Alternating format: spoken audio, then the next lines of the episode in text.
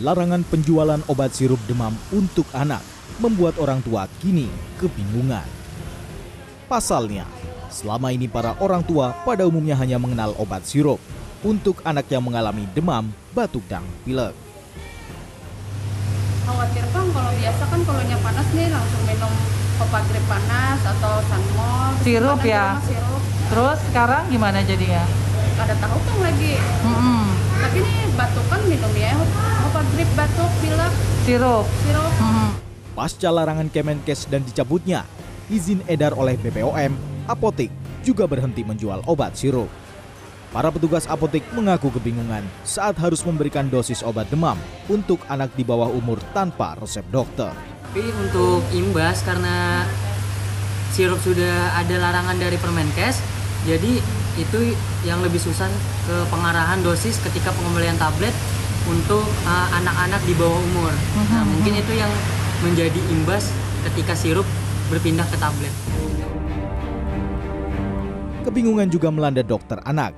Di Bali, dokter anak mengeluh kebingungan lantaran obat sirup dilarang beredar.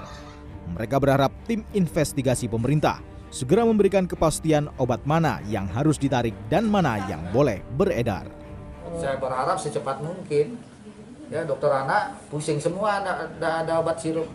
Persentase tidak pernah tapi rata-rata satu pasien itu pasti dapat obat sirup. Ya bisa satu pasien dapat dua tiga obat sirup. Badan POM kini menarik izin edar 5 obat jenis sirup. Mengutip rilis BPOM pada Kamis, BPOM melakukan sampling terhadap 39 batch dari 26 obat sirup yang diduga mengandung cemaran etilen glikol atau AG dan dietilen glikol atau DAG di atas ambang batas.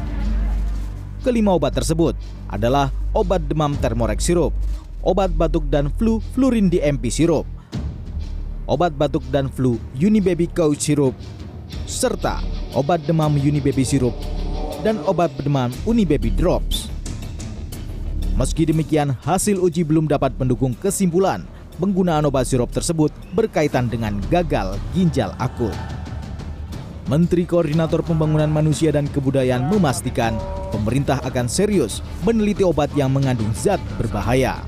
yang terjangkit juga sudah di atas 200 kemudian yang meninggal juga sudah lebih dari 50 persen dari yang kena jadi ini kita harus ditangani serius karena kita tidak ambil risiko maka sementara eh, jenis jenis obat yang dicurigai menjadi sumber dari eh, dari kesakitan ini kita stop dulu.